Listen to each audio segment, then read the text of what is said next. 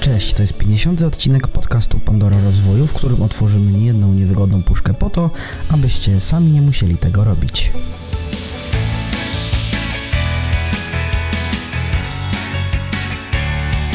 W dzisiejszym odcinku porozmawiamy o tym, jak sklepy oszukują klientów, czy warto korzystać z promocji oraz jakie grzechy na swoim koncie ma Dawid w roli sprzedawcy.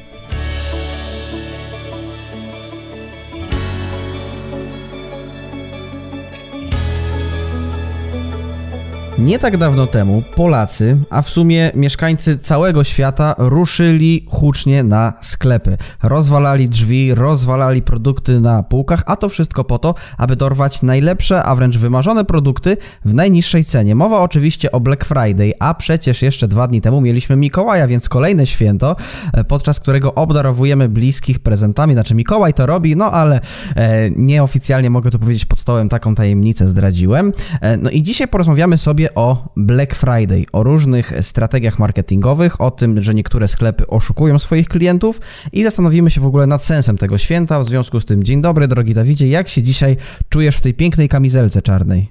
To nie jest kamizelka, to jest, jest bluza, kamizelka. która imituje kamizelkę, ponieważ tutaj Aha. jest taka kamizelka, ale tu jest normalnie długi rękaw, który jest przyszyty A, do okay, tego, widzisz. Dobra. To jest, widzisz, taki oto myk, ale wygląda jak kamizelka. Także y, powiem Ci szczerze, że dzisiaj czuję się bardzo dobrze.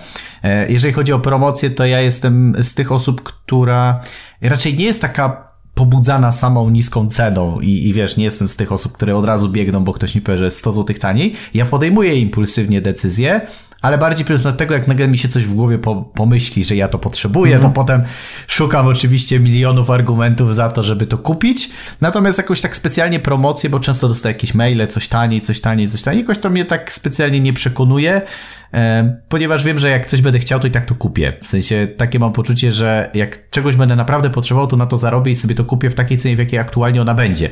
I, i nie mam mhm. takiej potrzeby, żeby nie wiem, dzisiaj iść do sklepu, bo mówię, że jest przecena minus 30%, to ja muszę kupić na zapas, bo, bo jak nie kupię dzisiaj, to już w ogóle stracę, nie? Oczywiście można to wykorzystać w sposób świadomy, ale mam nadzieję, że o tym dzisiaj też porozmawiamy. Dokładnie tak. W związku zaczynamy 50. odcinek podcastu Pandora Rozwoju. E, no i zacznijmy od statystyk, które znalazłem na stronie black-friday.global. Okazuje się, że jest taka strona, która zbiera statystyki z całego świata odnośnie tego jednego święta. E, no i te statystyki podają, wynika z nich, że 95% Polaków wie, czym jest Black Friday z czego dwie trzecie e, zamierza wydać w tym dniu swoje pieniądze na promocjach. I teraz co się okazuje? W czasie akcji promocyjnych przeciętny Polak kupuje średnio 4 produkty, zostawiając w sklepach około 663 zł. Średnia zniżka w polskich sklepach podczas akcji Black Friday wynosi 46%. Taką zniżkę dają, e, dają sklepy, czyli jednym słowem e, Black Friday jest świętem nowym, ale bardzo mocno e, weszło na salony. Co myślisz o tych statystykach i co myślisz o samej akcji Black Friday?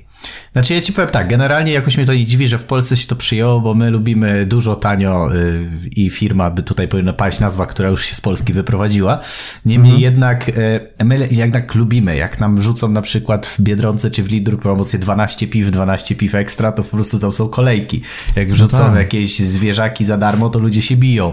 My mamy taką mentalność, jeszcze troszeczkę myślę, taką woję przedwojenną, komunistyczną, gdzie mamy taki, takie poczucie, że ciągle czegoś nam może zabraknąć. Gdzieś to płynie w naszych e, żyłach, tak myślę.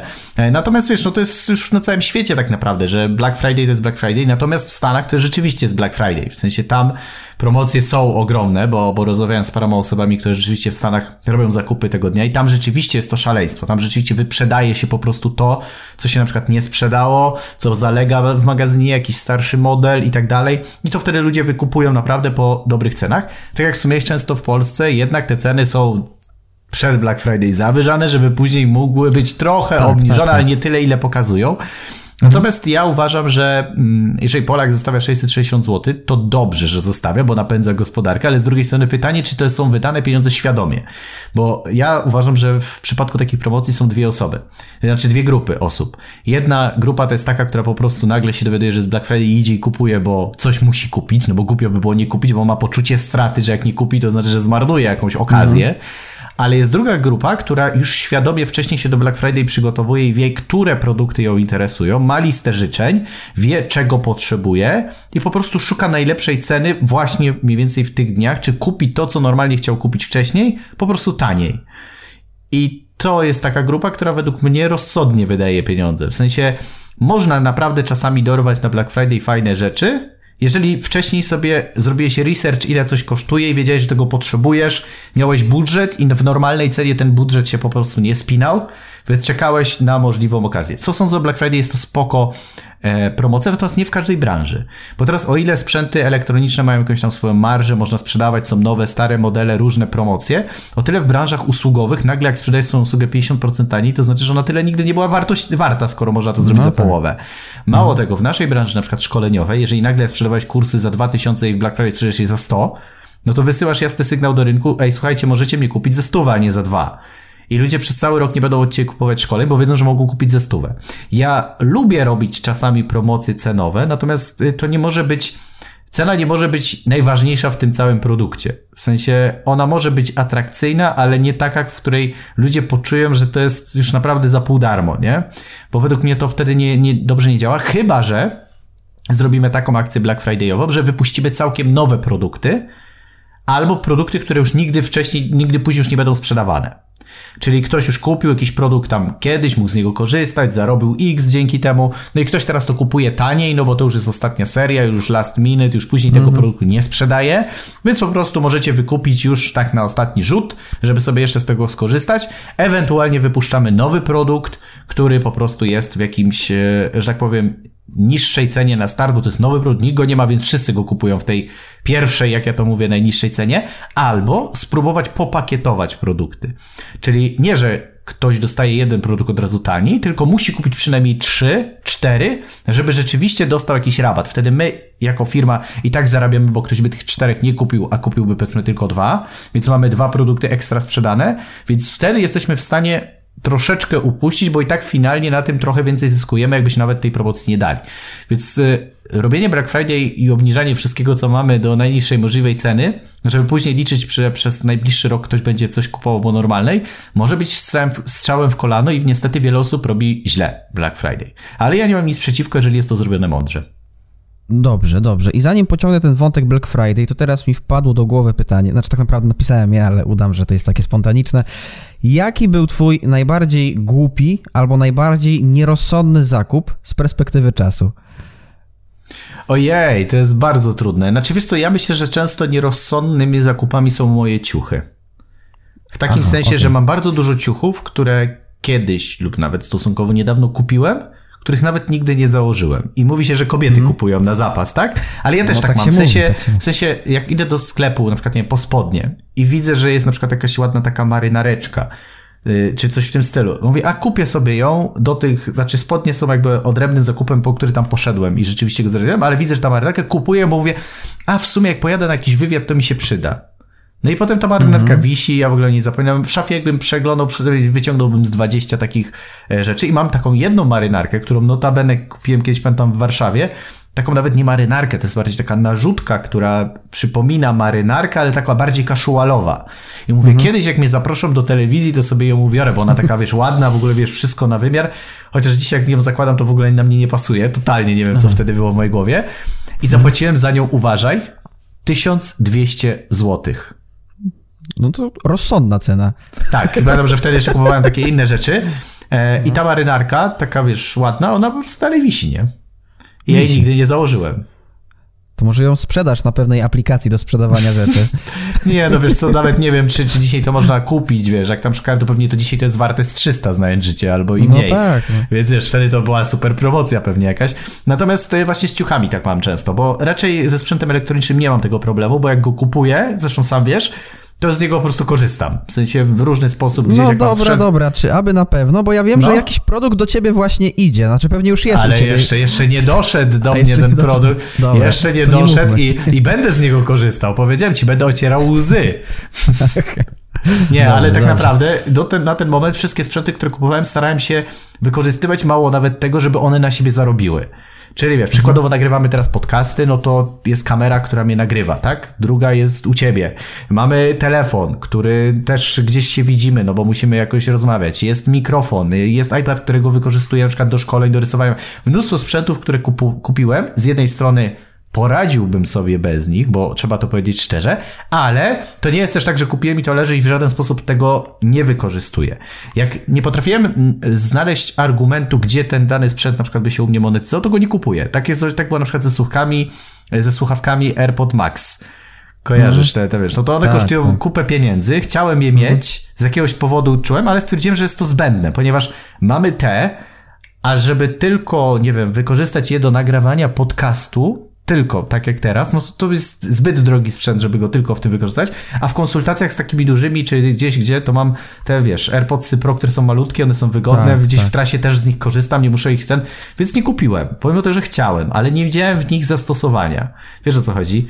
No I chyba, teraz... że ten podcast miałby sponsora, jakiś duży sklep i tak, tam się i wtedy, tak? To tak, no to wtedy tak, no dlatego, dlatego ja najbardziej takie moje pieniądze, gdzie przepalam, no to to jest zazwyczaj albo, albo rzeczywiście jakieś ciuchy, czyli kupuję na zapas, kupuję dużo, albo jedzenie. W sensie... Właśnie, o to chciałem zapytać. Tak, czy jakiś też, to, wleciał, jakiś stek taki? Znaczy, wiesz, czasami mam tak, że rzeczywiście ja nie lubię, znaczy nie, że nie lubię, bo lubię, ale nie mam za bardzo ani czasu, ani też nie opłacam się często gotować dla jednej osoby, w sensie dla mnie samemu, no, bo mieszkam no, sam. dla jednej, tak. tak Więc no. sobie często zamawiam, no, a zamawiając na pyszne, no już teraz nawet dostawy kosztują już 10 zł, czy tam ileś, kiedyś kosztowało tak? 2-3, teraz jest zadychę, no bo wiesz, o. paliwo, wszystko podrożało, wiesz, inflacja. No i wiesz, i tak nagle zamawiasz jakiś tam kotlet plus jakąś zupkę i nagle wychodzi ci 50-60 zł, gdzie za 5 dych, umówmy się szczerze, to ja bym sobie zrobił obiadu na 3 dni, gdybym chciał, tak? Pójść do sklepu. No, no tak. No więc tak. tak naprawdę jakbym podliczył, ile w ciągu roku wydaje na jedzenie, to też prawdopodobnie byłoby to dużo powyżej przeciętnej, którą powinienem wydawać. Więc to są okay. takie dwa obszary w moim życiu. Raczej jakieś takie fanaberie typu, nie wiem, luksusowe samochody, jachty, ekskluzywne wycieczki, to to w ogóle jakoś nie jest mój w ogóle klimat. Mm, więc jedzenie i ciuchy, to, to są takie rzeczy, które, bo sprzęt się okay. monetyzuje. Okej. Okay. No dobra, bo chciałem zapytać o takie ekstrawaganckie, ale skoro nie masz, to to, to okej. Okay. To idźmy dalej, to idźmy dalej. Black Friday to jest idealny czas dla e, hochsztaplerów, takie ładne słówko staropolskie, e, które przeceniają swoje produkty o 99%. Pewien mentor, nie nazywajmy go trenerem, ale powiedzmy mentor marketingowy z Ameryki, Ty Lopez, tutaj nie boimy się używać nazwisk. Knowledge Knowledge wypuszcza różne produkty. On wypuszcza produkty za 3000, za 10 tysięcy, a potem na Black Friday te produkty sprzedaje za 17 dolarów. I co ty myślisz o przecenie jakiegoś produktu o 90 tam parę procent? No bo dla mnie to jest niesamowite.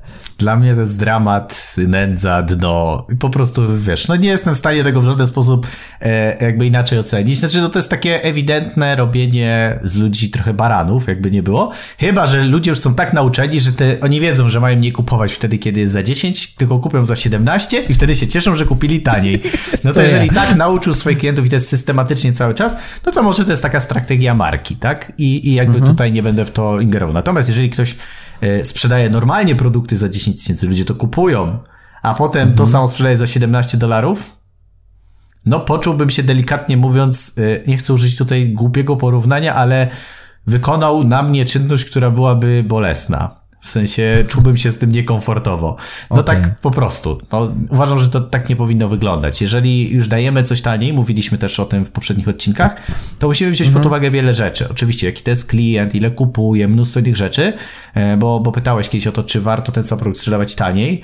E, tak jak powiedziałem, to jest zależne od sytuacji, natomiast no, nie może być dużej dysproporcji, bo Siłą rzeczy, gdybym ja sprzedał produkty za 1000, a potem nagle wszyscy ci, co kupili za 1000, wiedzieli, że mogli to kupić za 200 trzy miesiące mhm. później, no to szanse, że oni kupią ode mnie kolejne produkty, jak będę coś wypuszczał, są niewielkie. Więc trzeba szanować klientów. Lepiej zarobić mniej na Black Friday i mieć stałych, lojalnych klientów, którzy widzą w tobie wartość, niż zarobić na Black Friday i potem męczyć się cały rok. To jest moje zdanie. Mhm. Dobra, dobra. I teraz przy tej okazji pomyślałem sobie też o ekipie Freeza i ich boksach, bo y, nie dalej jak kilka tam miesięcy temu e, ekipa wypuściła boksy, boksy premium z różnymi gadżetami z pewnej sieci chińskich sklepów. E, no i co się okazało? Okazało się, że te boksy były klapą raczej, patrząc na odbiór e, społeczeństwa, no ale zgodnie z zasadą marketingową, nieważne jak mówią, ważne, żeby mówili i w tym kontekście chciałem zapytać Cię o to, co ogólnie myślisz o tych boksach i o pewnych działaniach ekipy, bo wiem, że też znasz mniej mniej więcej te perypetie internetowe. Jednocześnie, co myślisz o odpowiedzialności twórców? No bo to jest chyba ważny temat w kontekście tego, że ekipa tworzy głównie treści dla dzieci i nie bójmy się tego mówić. Tam średnia wieku to jest nie wiem ile lat, no kilkanaście max. to już taki max. Znaczy, wiesz co, e, ja uważam, że przede wszystkim, no przynajmniej ekipa tłumaczyła się tak, że najważniejszym elementem tego boksu był bilet na koncert, a cała mhm. reszta była tylko i wyłącznie dodatkiem i wszyscy wiedzieli, jak to wygląda. Natomiast y, biorąc pod uwagę skalę przedsięwzięcia, to jak bardzo byli popularni, ile to kosztowało swoją drogą, no to mogli się trochę bardziej postarać. W sensie, no. no, na pewno też nie można powiedzieć tak zeredynkowo, że o, wszystko zrobili źle, nie dali tego, co powiedzieli, w ogóle to się wszystko rozpadało w rękach, bo to aż takiego dramatu nie było, bo wtedy by rzeczywiście mógł się wylać taki stuprocentowy hejt. Natomiast siłą rzeczy, no jak widzisz opaskę, która kosztuje na AliExpress, powiedzmy tą nazwę, możecie nam wysłać parę dolarów, albo jakąś zniżkę na, na darmową przesyłkę, no to generalnie, wiesz, no to tam to kosztowało, nie wiem, z dolara, a oni to, wiesz, sprzedawali tam za grube pieniądze, no to to już takie słabe. No ale z drugiej strony taki jest też biznes. No, y, zasada sprzedaży i handlu polega drożej. na tym, kup, kup taniej i sprzedaj drożej. No, tak. wiesz, no, z punktu bycia przedsiębiorcą było to ekonomiczne, mhm. zasadne. Z punktu odbiorcy z jednej strony dostali to, co wiedzieli, że mają dostać, a że to nie było takiej jakości, być może też oczekiwania były troszkę za duże.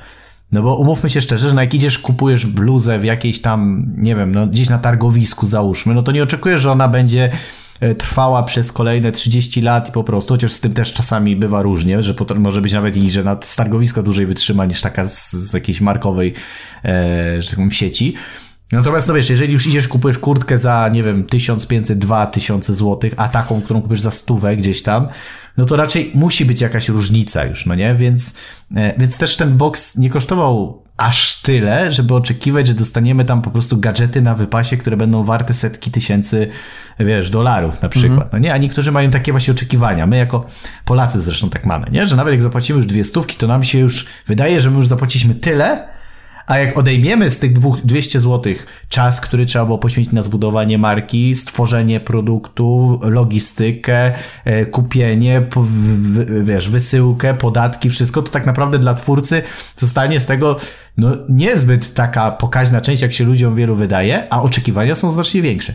Więc e, Twórcy powinni zwracać uwagę na jakość, powinni patrzeć na to, mm, czy to, co wysyłają, to, co sprzedają, jest dobrej jakości, ale też y, rozumiem niektórych twórców, że też trzeba dostosowywać jednak. Jak ktoś sprzedaje rzeczywiście koszulkę za 500 zł, no to ona ma być super jakości.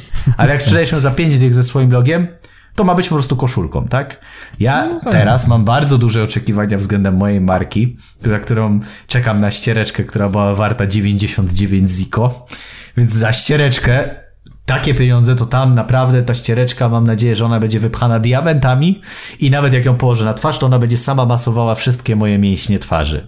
Także jak na następnym podcaście będę 3 lata młodszy i w ogóle cera będzie niczym y, pupcia niemowlęcia, to wierzcie, że to właśnie y, sprawa tej magicznej oto ściereczki. Bo wiedziałem, że będę ją wy wycierał nie do telefonu, bo mi szkoda, tylko do ocierania łez, bo ona pewnie będzie tak delikatna, że po prostu no te tak. łzy będą same po prostu, wiesz, ze wzruszenia mm, znikać z mojej twarzy. Już się nie mogę doczekać, aż ją ujrzymy na podcaście. No ale to już tak. niedługo. Wiem, że przez pewien czas pracowałeś jako sprzedawca e, w, pewnym, w pewnej sieci u operatora pewnego. Nie wiedziałem, jak to nazwać, ale chyba dobrze. E, następnie też pracowałeś jako sprzedawca i dalej to robisz poniekąd, bo jesteś sprzedawcą, jesteś mówcą, trenerem, wystąpieniem, no ale jednocześnie musisz też być sprzedawcą w swoim biznesie, bo nie masz zespołu handlowców, którzy by za ciebie wszystko robili, tylko ty jesteś sterem, żeglarzem i okrętem. I powiedz mi, jakich największych niegodziwości podjąłeś się jako sprzedawca i nieważne czy teraz, czy kiedyś, o to już nie będę pytał, ale jakie takie tajne techniki, y, czy możesz je zdradzić tutaj i jak na przykład, nie wiem, czy to oszukałeś w cudzysłowie klientów, ale czego się dopuszczałeś takiego, żeby znaczy, zwiększyć sprzedaż? E, znaczy powiem tak, zacznę od tego, że w korporacji nauczyłem się bardzo dobrze sprzedawać. To w ogóle mhm. jest jedna z takich rzeczy, którą każdy powinien doświadczyć, kto otwiera swoją firmę. Często ludzie otwierają firmę nie mając pojęcia kompletnie o sprzedaży, a potem dziwią się, że ta firma plajtuje. Ja w korporacji poza tym, że nauczyłem się procedur i pewnego wymagania wyników, yy, wiesz, tasków i tak dalej, to z drugiej strony nauczyłem się dobrze sprzedaży. Gdyby nie ta korporacja, to nie wiem, czy w moim biznesie bym sobie poradził tak, jak sobie radzę dzisiaj. E, i uważam, że to była najlepsza szkoła, jaką mogłem mieć, bo tam naprawdę byłeś cyferką w Excelu, w sensie jak byłeś na zielono, to było spokojnie, jak było na pomarańczowo, już zaczynałeś dostawać maile, jak pojawiłeś się na czerwono, przyjeżdżał pan prezes w cudzysłowie, nie? I już pytał o co chodzi, jak mówisz, że, że rynek nie ten, że branża nie ten, to strześ, możesz pójść zawsze do CCC sprzedawać sznurówki. Zawsze okay. był taki tekst, więc nikogo tam nie interesowało, e, co masz do powiedzenia, tylko jak chcesz to zmienić. Mhm. To był taki coachingowy zawsze styl rozmowy, bardzo dyrektywny. Znaczy oni nazywali ale to, to z no ja wiem, ja nic wiem, wspólnego. tak. Natomiast e, e, było dużo takich sytuacji. Ja miałem dużo takich swoich autorskich metod, które stosowałem. Miałem metodę kary na przykład, że jak dawałem klientowi ofertę i widziałem, że ten klient się zastanawiał i wahał, to wszedłem na zaplecze i siedziałem tam 10 minut, a klient siedział przy stoliku 10 minut i patrzył na ulotkę. A ja na kamerze patrzyłem, czy on już się przekonuje, czy nie, czy ją przybliża, czy nie. Potem wracałem i znowu. I tak jak klienta przytrzymałeś przez 40 minut, to dałeś mu dużo czasu do namysłu i jednak jakieś argumenty zdążył sobie sam znaleźć, jeżeli miał metaprogram wewnętrzny, a nie zewnętrzny, więc mu nie przeszkadzałem na przykład, nie? E, no i na przykład klient decydował, ale taką naj, najzabawniejszą e, sytuację, jaką mieliśmy, to kiedyś na przykład nie było w ogóle klientów, w ogóle nie przychodzili do nas do sklepu, trzeba było szukać różnych, e, no i ktoś wpadł na genialny pomysł i to w ogóle jakby, jeżeli to się dzieje, to, to bardzo przepraszam, było to bardzo nieetyczne, ale, ale skuteczne, bo parę kontraktów udało się podpisać, no że wchodziło się na portal olx.pl, czy tam tablica, czy co to było, mhm. no i na przykład, nie wiem, ty sprzedawałeś pralkę i można było tam zaznaczyć, że w odległości kilometra, czy tam dwóch, wiesz. No i jak wiedzieliśmy, że jesteśmy w danej miejscowości, no to zaczęliśmy w obrębie 5 kilometrów, sprawdzaliśmy ogłoszenia, jakie się pojawiły nowe. No i dzwoniliśmy pod te ogłoszenia.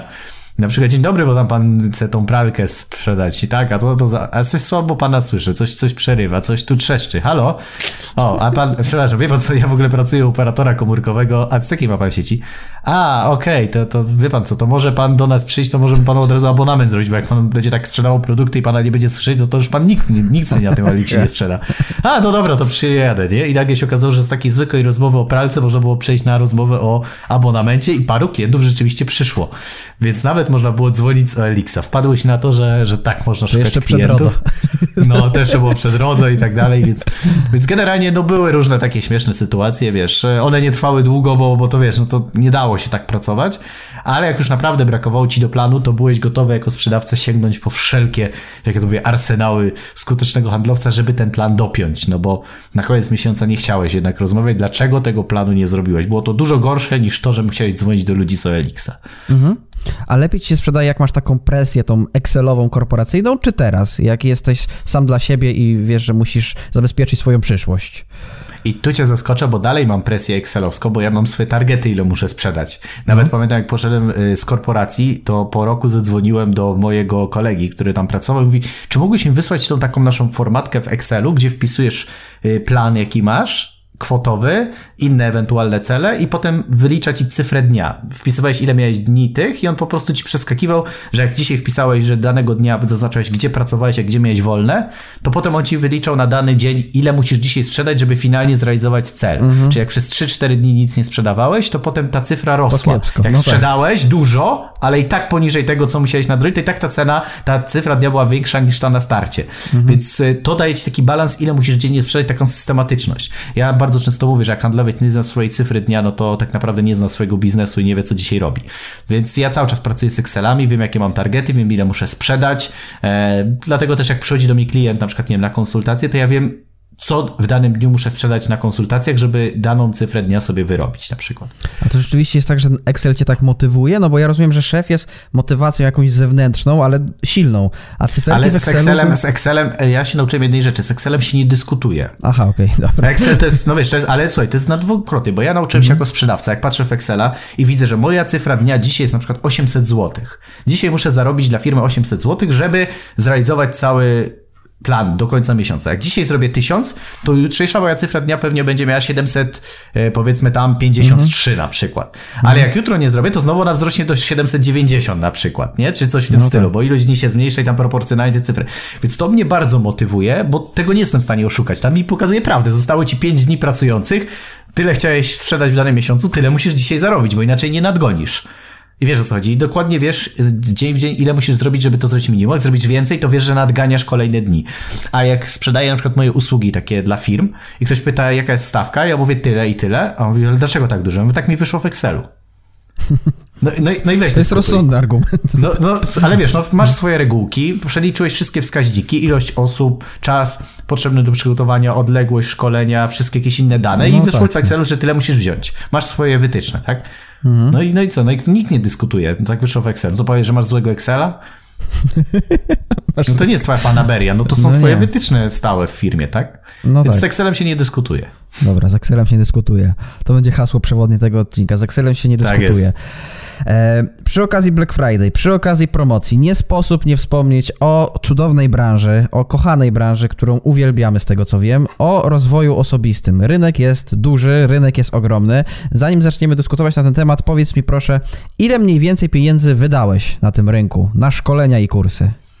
Bardzo dużo pieniędzy. Nie, nie chciałbym tu mówić, ale to, są set, ale to są setki tysięcy złotych. Dobra, dobra, dobra. Czyli mamy y, świadomość, że jesteś na tym etapie, gdzie byłeś na wielu szkoleniach, widziałeś wiele rzeczy, poznałeś dużo trenerów i poznałeś dużo osób w tym y, środowisku. No i to jest bardzo dobry wniosek do kolejnego pytania.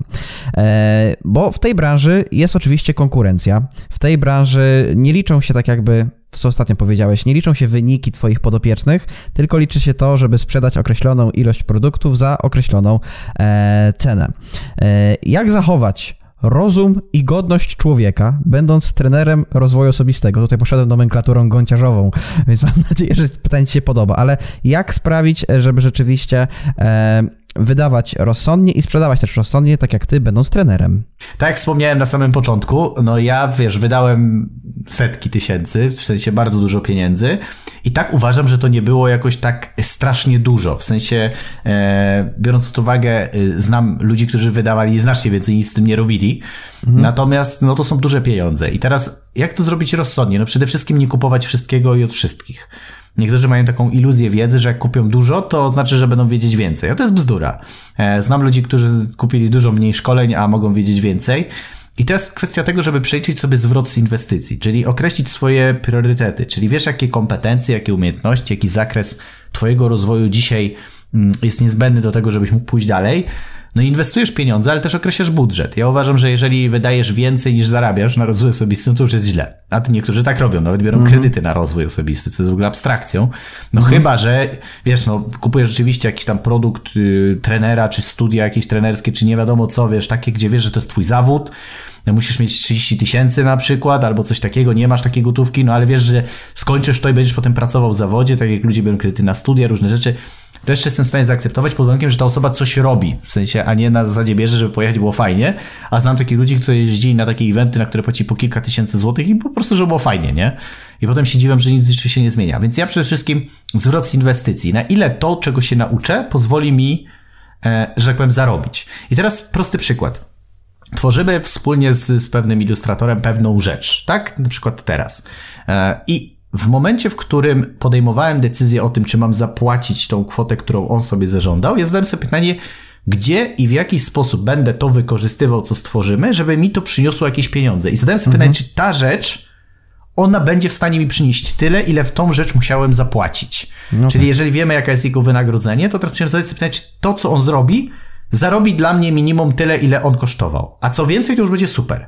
No bo to jest proste założenie biznesu. Jak w coś inwestujesz, czy jak masz pracownika, któremu musi zapłacić X, to jego praca musi przynieść ci minimalnie tyle, ile on zarabia, ile w niego inwestujesz, a co więcej, no to wtedy jest dopiero jakiś tam zarobek dla ciebie, tak? Więc y, ja uważam, że tak samo z rozwojem osobistym. Kupujemy jakieś produkty, nie wiem, czy to z marketingu, czy z wystąpień publicznych, czy z czegoś, to zadaj sobie pytanie, czy kupisz i coś z tym od razu zrobisz. Bo jeżeli kupisz i nic z tym nie zrobisz, to to zapomnisz. I to ci ucieknie. Nic z tym nie zrobisz i będą pieniądze wydane w błoto, jak ja to mówię. Znaczy, może nie w błoto, ale to się nic nie zadzieje, bo musisz od razu wrzucić to w czyn, czego się uczysz. Więc jak robisz jakieś szkolenie z marketingu, to od razu musisz przeprowadzić kampanię marketingową. I ocenić, czy cię przede wszystkim na to stać, czyli jakiś niewielki procent sobie ustalić ze swojego wynagrodzenia, które na przykład odkładasz na swój rozwój osobisty. Tak, są takie różne metody, wiesz, inwestowania, że masz wynagrodzenie, 10% idzie na to, 10% No tak. idzie na to. Dzielisz sobie pieniądze, żeby mieć budżety, tak jak w firmie. Jest ileś pieniędzy, ile idzie na marketing, czy idzie na, na przy wynagrodzenia, czy idzie na coś i tak dalej. Masz budżety. No i tak samo jest z rozwojem. Jak wszystko wydajesz na rozwój, tyle ile ci wpływa, no to jest dramat. Więc według mnie to jest niewielki procent. Odkładasz, odkładasz, odkładasz 2-3 miesiące, widzisz ile masz, chcesz kupić coś droższego, kupujesz wtedy, bo masz pieniądze. Ale też jak kupujesz, to musisz wiedzieć, czy jesteś w stanie to wykorzystać. No bo jak nie, no to po co ci ten produkt? W sensie musisz ocenić, jeżeli to jest na przykład szkolenie z rozwoju osobistego, z motywacji, wiesz, że pojedziesz na event i przez tydzień będziesz na energetyzowany i to wpłynie na twoją sprzedaż i wiesz, że przez ten tydzień zarobisz więcej niż wydałeś na ten event, to jest sens jechać.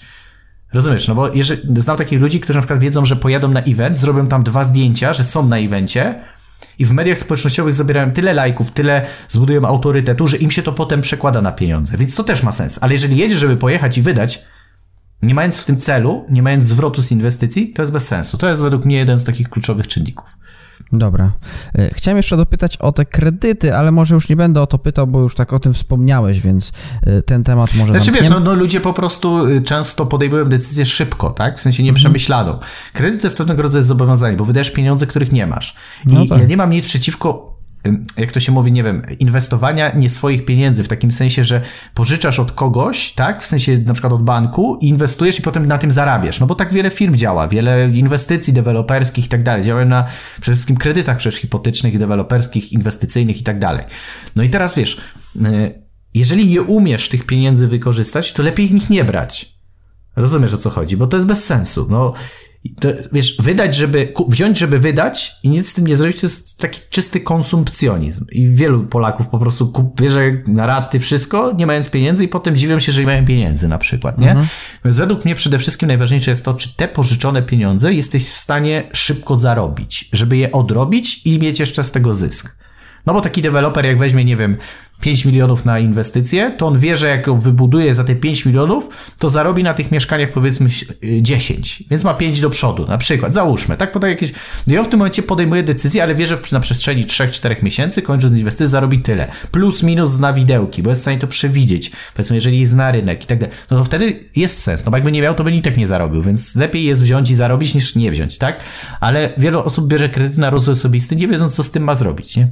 No tak, tak. Więc ja tak. uważam, że zacząć od małych produktów, książki, trzy dyszki, cztery dyszki, produkty za 100, 150 zł. Jak coś z tym zrobisz, to wtedy dopiero pakować się w produkty za 1000, 2, 5, 10, 20 tysięcy.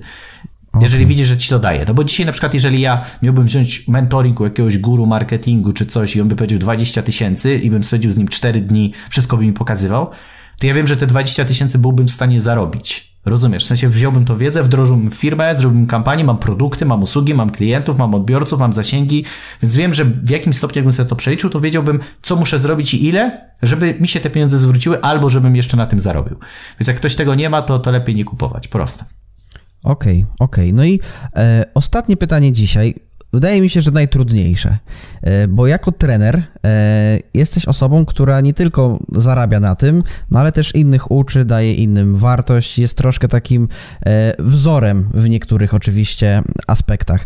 Czy dałeś kiedyś komuś szkolenie na przykład, albo dostęp do czegoś, albo swoją wiedzę za darmo, bo chciałeś, żeby on się tak bardzo rozwinął i nie patrzyłeś na to, że ty musisz tym zarobić, tylko dajesz coś dla niego? Tak, znaczy bardziej w materii, że wychodzę z założenia, że daj więcej niż obiecałeś. Okay. Czyli na przykład miałem taką kogoś, kto widziałem, że się bardzo zaangażował, zrobił super, zawsze płacił, to to było takie w formie daj bonus. Czyli nie daj bonus mhm. przed sprzedażą, tylko zawsze fajnie jest, jak na przykład, nie wiem, kupujesz coś, nie wiem, idziesz do usługi architekta, on ci projektuje dom, a potem w trakcie usługi nam mówi, jeszcze ma pan ode mnie to w bonusie, nie? Ty, wow, ale super, czujesz się taki dowartościowany, czujesz się super, więc często mam tak, na przykład, nie wiem, ktoś kupuje u mnie pakiet konsultacji związany z budowaniem marki osobistej, załóżmy, tak? I ktoś płaci kilka tysięcy złotych, żeby móc ze mną parę razy się spotkać i porozmawiać, a ja mu w mhm. bonusie dorzucę jeszcze kurs VOD, żeby w międzyczasie, jak się nie spotykałem, mógł sobie jeszcze coś tam zobaczyć, chociaż przy sprzedaży nie mówię mu, że na przykład ten kurs dostanie. Aha, okay. Rozumiesz? Czyli w mhm. takich sytuacjach jako wartość dodaną, ale przy okazji mnie to też ułatwia pracę. Czyli to też nie jest jakiś kurs od czapy czy coś, tak po prostu, tylko wiesz, jako wartość dodana, bo też mi to ułatwia pracę, bo ta osoba przesłucha, będzie miała inne pytania i tak dalej, i tak dalej. Więc w takich materiałach najbardziej, ale na zasadzie dawania tak, o, weź sobie za darmo, no to bez sensu. Chociaż miałem taką jedną sytuację, ale to też była kwestia, że ta osoba zapracowała swoją osobą, że pojechałem do Kalisza Pomorskiego, był taki młody chłopak, który miał marzenie zrobić wydarzenie właśnie rozwojowe. Mhm no ale wiesz, no to też zorganizował to wydarzenie, zapracował, poświęcił, napisał do mnie, wiesz, pojechałem i wtedy na scenie jako taki bonus dostał do mnie szkolenie z wystąpień publicznych. Mhm. Ale on tego nie dostał na zasadzie, bo miałem fanaberii i rozdawałem, tylko on swoją pracą, swoją postawą, swoim zaangażowaniem, swoją charyzmą prostu zapracował sobie na to, że rzeczywiście to mu się należało. Nawet nie uważam, że mu dałem, tylko jemu się to po prostu należało. To jest tak, jakbyś poszedł do programu, wiesz, mam talent czy coś w tym stylu, zrobiłeś świetne show, no należy ci się miejsce w finale, po prostu. Mhm. To nie jest kwestia powinieneś, nie powinieneś, dostaniesz szansę czy nie. Ja uważam, że po prostu mu się należało, tym bardziej, że wiedziałem, że on to wykorzysta. I potem, jak się później okazało, on kupił już za swoją gotówkę inne szkolenia, które były u mnie. Mhm. Więc nie tylko zrobił, nie tylko wykorzystuje, ale też potem kupował jeszcze inne produkty. Czyli też nie było, że ja teraz będę brał od ciebie za darmo. Więc zdarzają się takie sporadyczne sytuacje, zresztą wiesz, no to jest bardziej chęć pomocy, bardziej wiesz, jakieś takie, jak masz wiesz, są, idą teraz święta, możemy polecić e, szlachetną paczkę na przykład, jakby ktoś z Was chciał wspomóc. Sam kiedyś byłem wolontariuszem. Jest wiele różnych takich akcji, które po prostu pomagamy, tak? I to jest, wiesz, takie bezinteresowne i myślę, że to jest takie e, coś w ten deseń, że jak widzę, że mogę komuś pomóc, to można dać, ale nie na zasadzie dam tak, o, już. No, znając twoje umiejętności sprzedawcy, to jak byłeś wolontariuszem szlachetnej paczki, to ludzie się rozbierali i dawali wszystko, co mieli pewnie. To ty... No, aż tak dobrze nie było, ale, ale powiem szczerze, że rzeczywiście jest dużo takich akcji, które y, teraz mogę powiedzieć, w sensie wspieram, aczkolwiek nie mówię o tym głośno, bo sztuką pomagania nie jest to, żeby się tym chwalić, tylko żeby pomagać Wiesz, bo niektórzy właśnie robią, a potem się tym emadują, wiesz, w mediach. Pomagałem no tak. tu, zrobiłem. No, ale to nie ma nic. Ale, ale to nie ma nic wspólnego z takim pomaganiem. Najfajniejsza radość jest wtedy, kiedy wiesz, że pomogłeś i nikt o tym nie wie. Tylko ty i ta mhm. osoba, której pomogłeś. To jest najfajniejsze. Tak. Polecam Właśnie, sprawdzić. Tu jest taka cienka granica w ogóle między trenerami na przykład i psychologami, bo w obu usługach ty chcesz jakoś pomóc komuś, ale jednocześnie musisz wziąć za to pieniądze, no bo no, terapia też kosztuje na przykład, nie? Albo jakieś konsultacje i tak dalej. Znaczy wiesz co, wynika to też z takiej naszej, wydaje mi się znowu polskiej mentalności, bo na przykład w Stanach Zjednoczonych, jak idziesz do specjalisty, czy to jest psycholog, to po prostu wiesz, że musisz zapłacić. To płacą często, wiesz, przedsiębiorcy, liderzy mają swoich coachów, mają ludzi, którzy po prostu im pomagają mentalnie na różnych sferach i to nie jest taki coaching na zasadzie, wiesz, P2P, tylko tam, są, tam jest coach, który rzeczywiście z tą pracuje biznesowo, czy od sprzedaży i tak dalej. Jest dużo takich tam w Stanach y, stanowisk, bo nawet rozmawiałem z, z taką moją y, kuzynką, która mieszka w Stanach i opowiada, że rzeczywiście tak jest, że tam są trenerzy, którzy rzeczywiście są odpowiedzialni za rozwój mentalny pracowników na przykład. I to wiesz, no możemy się śmiać, możemy się nie śmiać, ale tak po prostu jest. Natomiast w Polsce dalej nam się wydaje, że jak ktoś się zajmuje czymś, co jest związane z głową, to to powinno być takie pro bono, takie w ogóle za darmo.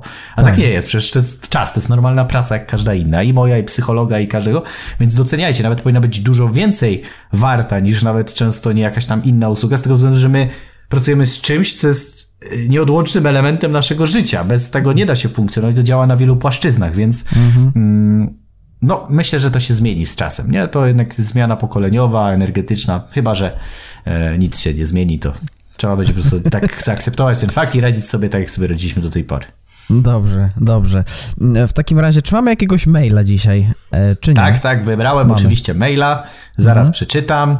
Dobrze. E, dzisiaj mamy maila od pani Hani, nie zgadniesz z jakiej miejscowości, bo z Lublina. A, myślałem, że z Wrocławia. Chyba, chyba, chyba jakaś taka moja fanka albo stalkerka, jak ja to mówię. Oczywiście no. nie obrażając, to taki żarcik, ale, ale lubię to słowo stalking. W sensie jest, jest to takie ciekawe, no bo dzisiaj tak naprawdę każdy jest stalkerem, jakby nie było, bo wejdziesz na no, Facebooka i wszystko media, wiesz. Tak, tak. No tak, no nie da się nie być stalkerem. Wystarczy, że wejdziesz na mój jeden, drugi, trzeci profil, już można powiedzieć, że jesteś stalkerem, bo dużo o mnie wiesz, śledzisz mnie, sprawdzasz. No. Mhm. E, uwaga, może przeczytam. Cześć Dawid, często mówisz o różnych technikach, metodach, pra metodach pracy. Skąd masz tyle wiedzy? Czy możesz polecić jakieś książki albo kursy dotyczące sprzedaży, co sobie z tego i wystąpić, że chciałabym zgłębić swoją wiedzę, ale w księgarniach tyle książek nie wiadomo za co się zabrać. Do zobaczenia, Hania z Lublina. Polecisz jakąś dobrą kawiarnię w Lublinie? Bo chyba mieszkałem w tym samym mieście. Więc ja zacznę od tyłu. Czy polecę jakąś kawiarnię? Polecę y, kawiarnię i restauracje takie mm, i można zjeść i napić się kawy na ulicy Spokojnej 2 w Lublinie. Bardzo fajne, ciekawe miejsce. Często tam jeżdżę z laptopem, żeby zjeść dobre śniadanie, napić się kawki i cyknąć zdjęcia na social media. Możesz na pewno znaleźć, więc tam, to tam, właśnie tam można mnie spotkać, więc jak któraś chce mnie znaleźć, to na spokojnej dwa. Tam siedzę. O poranku, tam siedzę, możecie tam stać i czekać. Mhm. E, to taki żarcik oczywiście. Natomiast e, no, fajne, ciekawe miejsce, myślę, że mogę polecić. E, jeżeli chodzi o w ogóle księgarnię i tyle książek, to ciężko jest polecić jakąś taką jedną książkę, bo tylko jest masa. No wiesz, książka to też nie jest taka straszna inwestycja. Nawet jak wydasz 30 zł, przeczytasz, nie fajna, to potem możesz rzucić na Elixa, czy sprzedać za 20 i tam jakiejś straty wielkiej nie ma, a zawsze przeczytasz i poprawić się ortografia, wiesz, albo inne rzeczy, które tam możesz, wiesz, zobaczyć.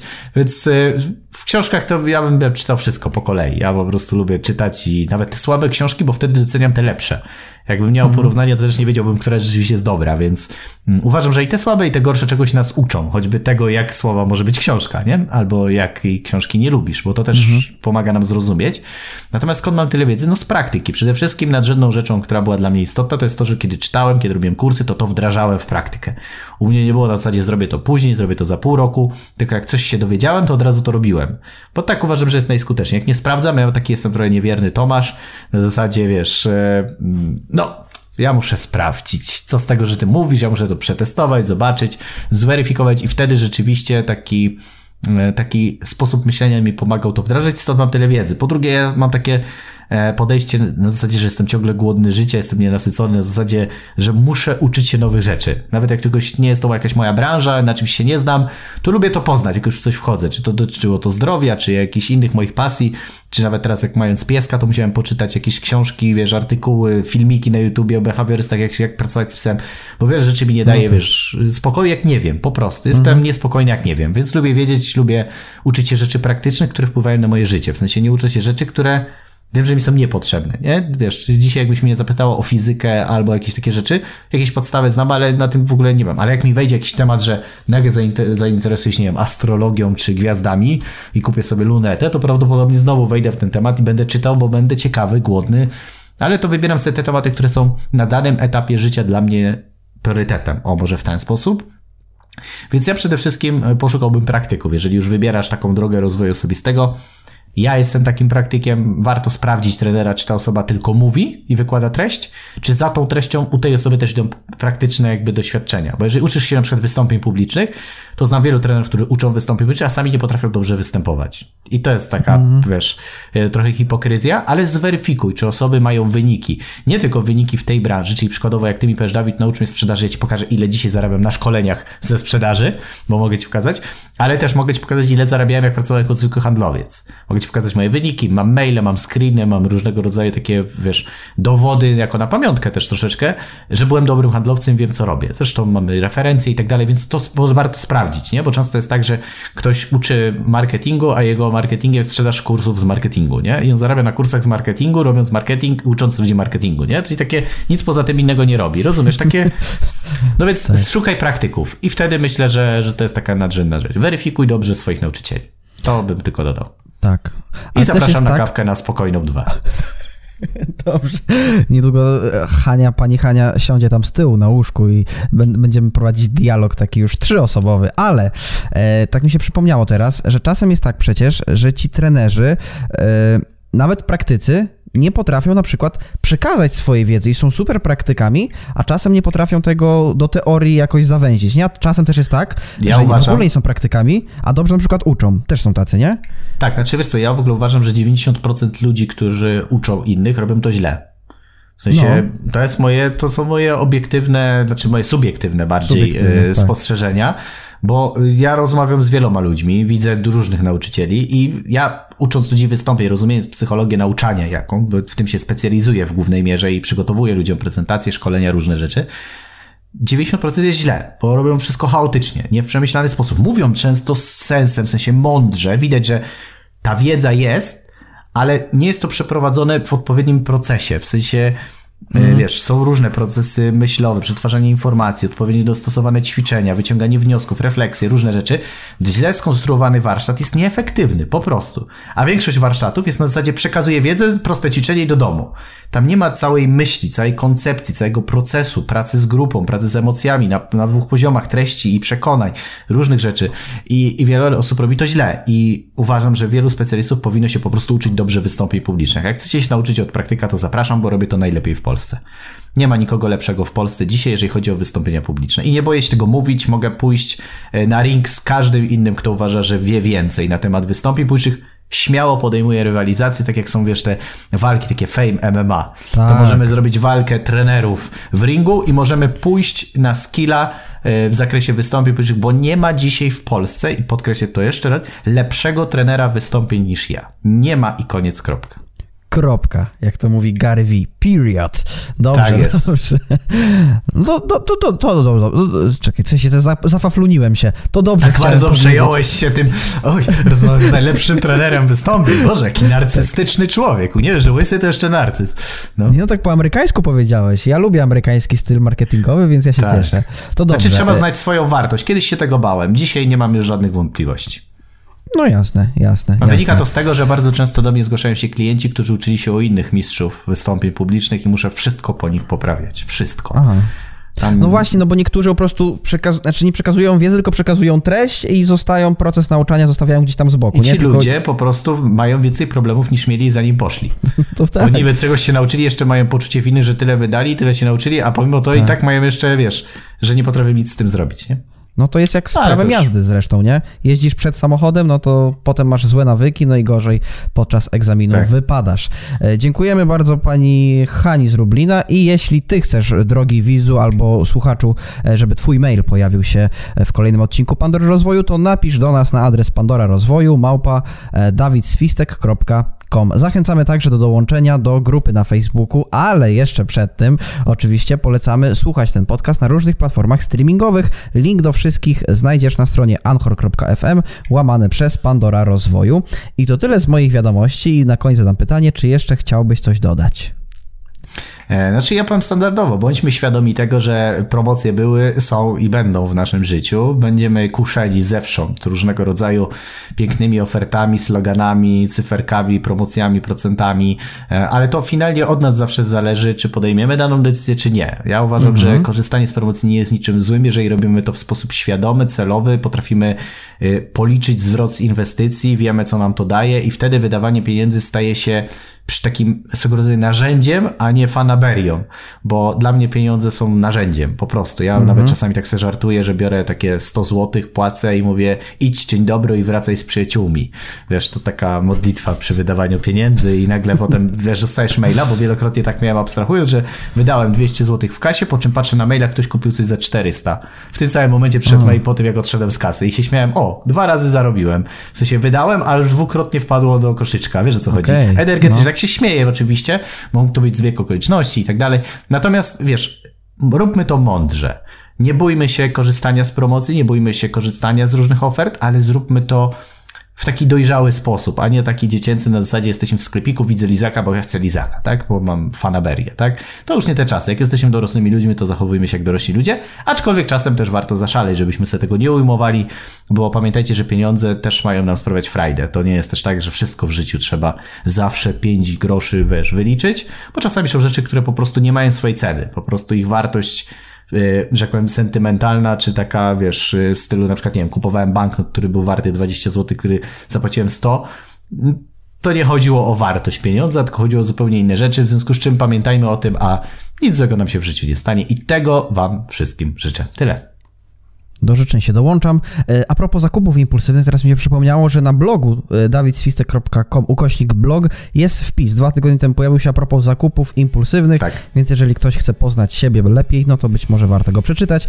W ogóle zachęcamy też iść do bloga, bo, bo myślę, że może wielu słuchaczy albo widzów nawet nie wie, że mamy bloga, mhm. więc jak wejdziecie sobie na dawidswistek.com łamany na blog, to tam macie mnóstwo różnej wiedzy poza tym, ile, ile? co my... Te... Mnóstwo, mnóstwo wiedzy. Dobrze. Tak, dobrze. knowledge, po prostu knowledge tak, zgadza się. To dziękuję bardzo za 50 odcinek i do zobaczenia i do usłyszenia w, w kolejnym. to jest taki jubileuszowy. 50. No tak, to teraz powinny być tak. takie tada, fanfary, wiesz, bo brawa, wiesz, w komentarzu możecie dużo. pisać gratulacje. 50 odcinków. No to taka jak jubileusz po małżeństwie 50, to jaki to jest? Jakieś tam są złote gody, czy jakie tam? Chyba złote, chyba złote. Też mamy złote gody, wiesz o tym. No Czy jakieś tam, może nas poprawić. tak, no dobrze, to nie przedłużając. Tak, ludzie nie żyją. tak. To dziękujemy i do zobaczenia i do usłyszenia niedługo. Do zobaczenia i do usłyszenia.